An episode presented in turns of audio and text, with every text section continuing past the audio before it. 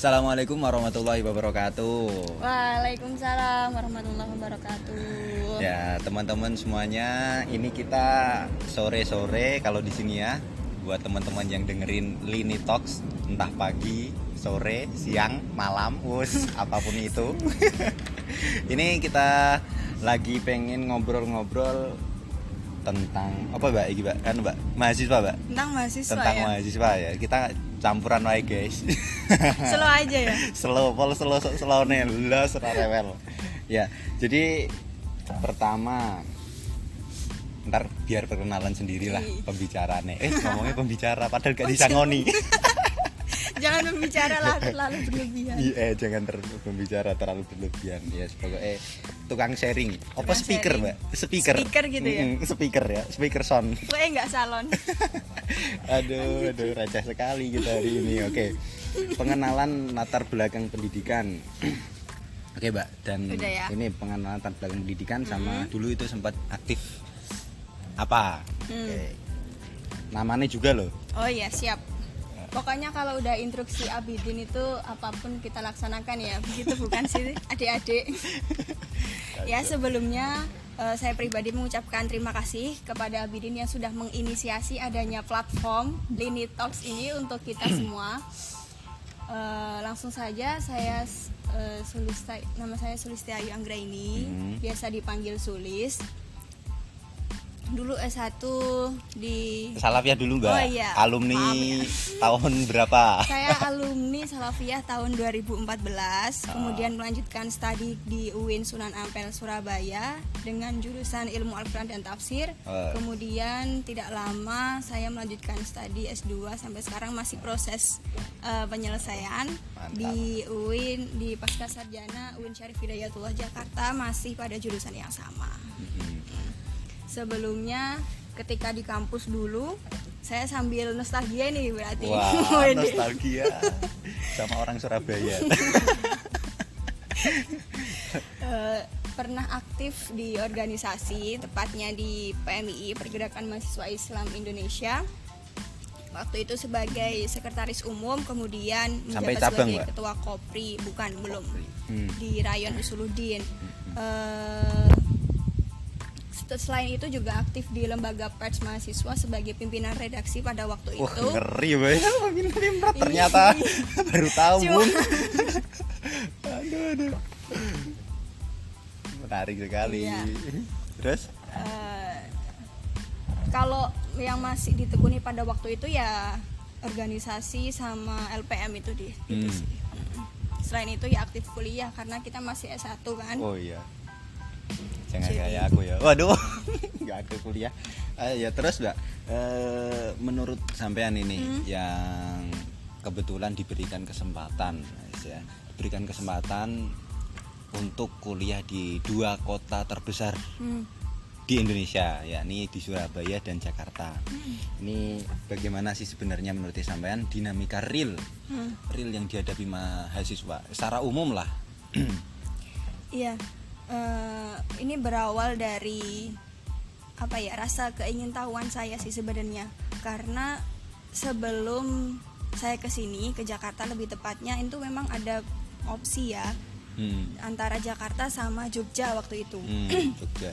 Cuman setelah dipikir-pikir, ketika saya eh, sudah dari Surabaya kemudian ke Jogja ini sepertinya tantangan kok malah berkurang begitu karena orang menganggap Surabaya itu kan sebagai kota metropol kedua setelah Iya. Jakarta. Heeh. Kok saya malah ke Jogja gitu kan? Jadi harusnya ya ke kota metropol yang pertama gitu. Berarti kan Jakarta. Nah ini tantangannya sangat sangat terasa sekali ketika saya berada di Jakarta Hmm. karena juga eh, kondisi status saya pada waktu di Surabaya dengan yang sekarang ini berbeda. Hmm. Kalau di Surabaya itu saya masih S1. Jadi eh, kebutuhan ekonomi mahasiswa itu saya juga eh, apa ya ini juga sebenarnya dialami oleh- adik-adik ya kalau masih S1 biasanya dia masih eh, ditanggung sama orang tua Hmm. istilahnya kebutuhan kalau masih S1 itu belum bisa lepas belum bisa lepas Lepas eh, eh, sepenuhnya. lepas sepenuhnya kepada Hmm. orang dari orang tua kecuali kalau kita udah S2 ini mau nggak mau kita juga harus memahami bahwa di di keluarga di rumah itu sudah orang tua sudah eh, banyak sekali membayar cicilan Adik-adik. kredit kemudian kebutuhan adik-adik juga untuk bersekolah jadi kita harus Iya. ke sana ya Hmm. Eh, untuk bagaimana supaya kita bisa lepas dari pemberian orang tua berusahanya sih seperti itu cuman Hmm. juga eh, sedikit demi sedikit kita harus inilah ya berusaha nah untuk eh, apa kreativitas dari kita sendiri ini sebenarnya dalam bertahan hidup ini sangat banyak apalagi mahasiswa teman-teman biasanya kalau masih masih S1 dia selain menjadi mahasiswa biasanya aktif juga ada yang menjadi perabot masjid. Mm-mm, Nah, ya, perabot jadi masjid. takmir masjid, muadzin, Guru ngaji. guru ngaji, les private Les biasanya yang private. cewek-cewek. Cowok juga loh, Mbak. Cowok juga ya. Terus ada juga yang menjadi maklar tugas. Oh, nah, tugas. biasanya kan teman-teman nawari ke senior-senior atau beberapa temannya yang istilahnya ekonominya menengah ke atas. Ya. Kamu punya tugas apa? Sini aku yang ngerjain gitu. Tapi ada ininya gitu Oh, lah iya, paham iya. ya. Itu semacam ini ya, Mbak. ya, Apa namanya? Mahasiswa S1 yang belum lulus skripsi tapi Iya, ngerjain tesis ini. juga ya, bantu tesis juga itu kan Padahal konyol. dirinya sendiri belum lulus ya, Konyol belum sekali selesai. gitu, ya. iya, iya, iya. Pokoknya apa pun caranya supaya eh, kita bisa bertahan hidup lah selama itu masih dalam koridor uang yang benar gitu lah ya. Hmm, halal dan thayyiban lu. Kalau untuk ini, Mbak, apa namanya? per- persoalan yang sering ini masalah idealisme mahasiswa yang wow sekali ketika masih semester 3 biasanya itu baru tumbuh. Kalau semester 1 kan masih aku pingin pulang. Jadi gitu nek semester 3 ini kan biasanya udah ah, ini idealisme sudah mulai tumbuh. Apa misalkan pengen mengabdikan di organisasi mana atau pengen berkembang di mana itu biasanya kan tumbuh saat itu juga di semester Iya. 3 semester 5 ah menurut sampean biasanya gimana sih em, menanggapi yang kadang ah kuliah gak, gak jadi aktivis sih gak seru masih kurang Oh, kurang lengkap ah. kalau enggak misalnya omongan ya ngapain sih aktivis-aktivis menung kuliah juga gak lulus lulus ya kadang kayak gitu karena Iya. dianggap menyepelekan akademisi ini menurut sampean gimana pak? Ya. Jadi itu berbicara soal tanggung jawab kita sebagai mahasiswa. Hmm. Memang tanggung jawab mahasiswa ini tidak mudah ya karena bu karena untuk kuliah ini bukan hanya sekedar untuk mencari nilai tapi juga bagaimana kita berjejaring kemudian mengelola perbedaan Hmm. kemudian eh, memahami apa yang telah kita dapatkan kemudian mengimplementasikan Hmm. nah soal saya sendiri juga termasuk orang yang suka ketika melihat adik-adik saya ini bukan hanya sekedar masuk kuliah kemudian eh, pulang gitu ya. Istilahnya Hmm. setelah sampai kos ya sudah selesai. Tapi senang juga kalau melihat teman-teman atau adik-adik ini aktif di berbagai organisasi. Hmm. dan ini sebenarnya bukan untuk promo in- ya? Bukan untuk promo organisasi tapi bagaimana cara kita mengelola mengelola organisasi itu. Karena di dalam organisasi ini kita temukan berbagai macam permasalahan. Nah di situ kita belajar bagaimana sih supaya kita bisa mulai dari mengkonsep sebuah acara kemudian membuat proposal kemudian eh, apa ya itu tadi ya mengelola perbedaan itu kadang nanti manajemen konflik ya? Ha-ha, Yang- manajemen hmm. konflik. Nah itu nanti akan terasa ketika kita sudah lulus dari eh, sekolah dari kuliah di itu kuliah. tersebut. Biasanya dipakai lah minimal di desa, Iya. di lingkupan RT, kelurahan atau apa Karang Taruna kepake Iya, lah ya. kepake. Mm-mm. Jadi memang tanggung jawabnya ya itu tadi sebenarnya buat masyarakat. Jadi Hmm. bukan untuk diri kita sendiri ya pengimplementasinya kan di situ. Hmm. Nah, ini langsung pesan-pesan ini, Mbak. Tadi Eh, survive sing- belum ya? Oh, sing ini ya, apa dikotomi kita? Ah, ah, oh iya, ya. bagi teman-teman biasanya atau saya sendiri juga sempat mengalami adanya gap gitu ya antara saya antara teman-teman yang aktif di organisasi sama teman-teman yang bisa dikatakan dia akademisi. Mm-mm. Biasanya itu loh teman si dia si A Hmm. kenapa sih kuliah telat karena aktif organisasi begini sehingga lulusnya eh, juga Lama. lama. Nah. Kemudian si kita dari teman-teman aktivis juga bilang kuliah kok mek masuk eh, masuk kelas tok mek di eh, diomong rajin masuk kuliah gak pernah IPK. bolong absen golek IPK tapi juga di situ sebenarnya perlu dipertanyakan Hmm. yang dinamakan mahasiswa akademisi ini yang seperti apa sih Heeh. apakah dia yang hanya masuk kuliah kemudian nggak pernah bolos eh, terus rajin gitulah ya. Tapi bisa dipertanyakan di situ IPK-nya juga nggak bagus-bagus amat. Real ya pak ya? iya ini real loh teman-teman yang biasanya ada gap kayak gitu tuh.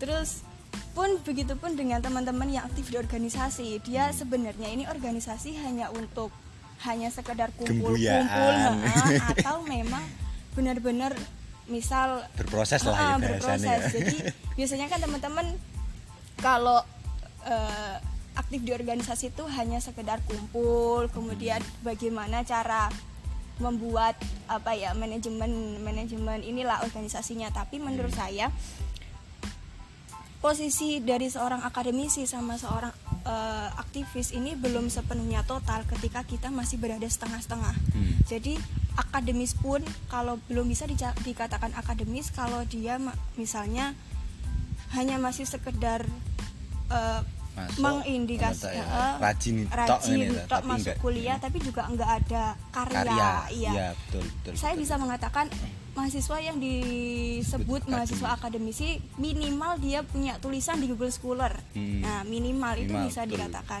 Kalau cuma sekedar aktif masuk kuliah itu belum apalagi IPK-nya juga eh, biasa-biasa aja.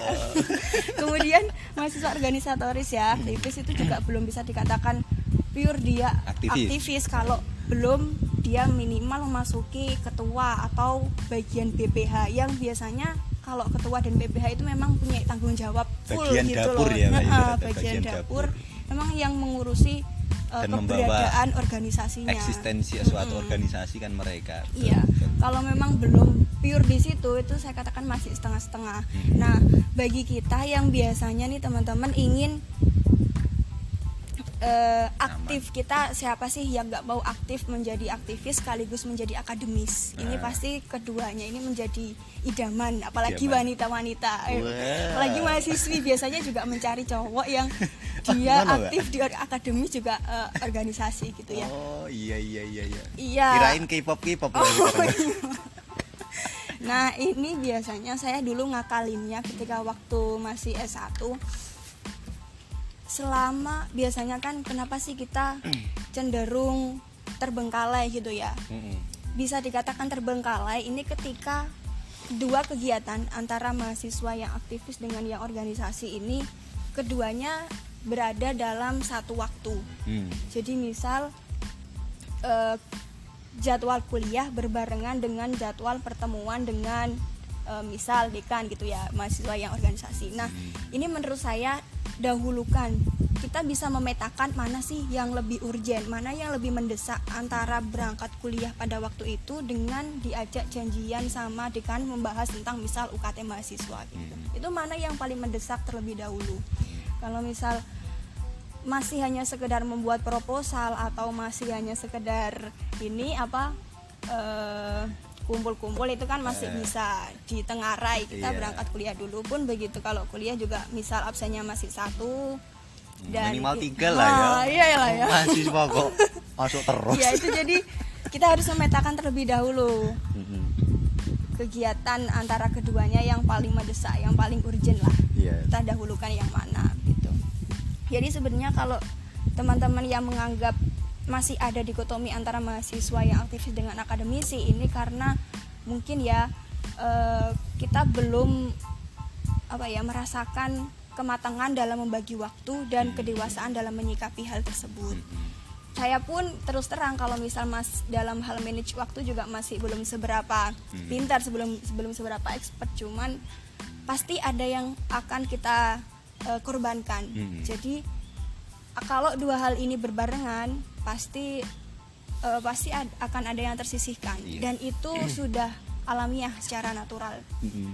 namun kembali lagi juga kemudian jangan kita menganggap oh berarti nanti saya akan eh, menyisih saya akan eh, mengesampingkan kebutuhan kuliah saya tidak tidak seperti itu juga kita juga harus mengerti tujuan kita berangkat dari rumah ke sini ini untuk apa Mm. Hmm, Oke, ini terakhir pesan-pesan Hmm, singkat padat closing statement. Ya. Oh. Oke, ayo kak. eh, pesan-pesan saya ya untuk adik-adik khususnya ikhlas Gilbar selama kita masih jadi Selama kita kalian masih, eh, eh, jangan pernah sih sel- saya selalu kenapa sa- saya bisa sampai ke sini nih Hmm. karena terbayang-bayang omongannya Sogi itu loh Iya. dunia itu seluas kaki melangkah hmm, jelajahilah dan jangan jangan pernah takut melangkah karena dengan hanya seperti itu kita bisa mengerti arti kehidupan Oh, iya. Iya. makanya saya bisa sampai ke sini menarik. bondo nekat Eh, juga sebenarnya bondo nekat. Eh, untuk adik-adik juga kalian paling enggak eh, kalau tidak bisa menjadi keduanya antara mahasiswa yang aktivis dan organisatoris Hmm, minimal kita punya keahlian soft skill Mm-mm. misal kalau yang aktif di UKM solawat ataupun banjari Hmm. ngeband kemudian dunia tulis menulis itu asah asah lah eh, secara terus menerus meskipun kita bukan dikatakan mahasiswa yang aktif organisasi gitu nggak apa-apa yang penting kita punya soft skill itu tadi aja sih punya keahlian Ya, siapa tahu nanti pulang-pulang bikin grup rebana sukses, Iya, sukses. ngalahin Iya, Sabian. kan. Terus bisa juga kalau misalkan nulis, cukup-cukup lulus, betulan Duwe buku, buku. deh, Yang di buku ya, buku. di toko buku, dia penerbit, nis. apa pun itu semuanya sekarang mungkin terjadi. Iya. Saya kira itu. Terima kasih teman-teman yang sudah mendengarkan. Terima kasih apabila ada ucapan yang belepotan mohon dimaafkan kita nggak perlu edit edit terlalu banyak ya cukup sekian wallahul muwaffiq Iya. Assalamualaikum warahmatullahi wabarakatuh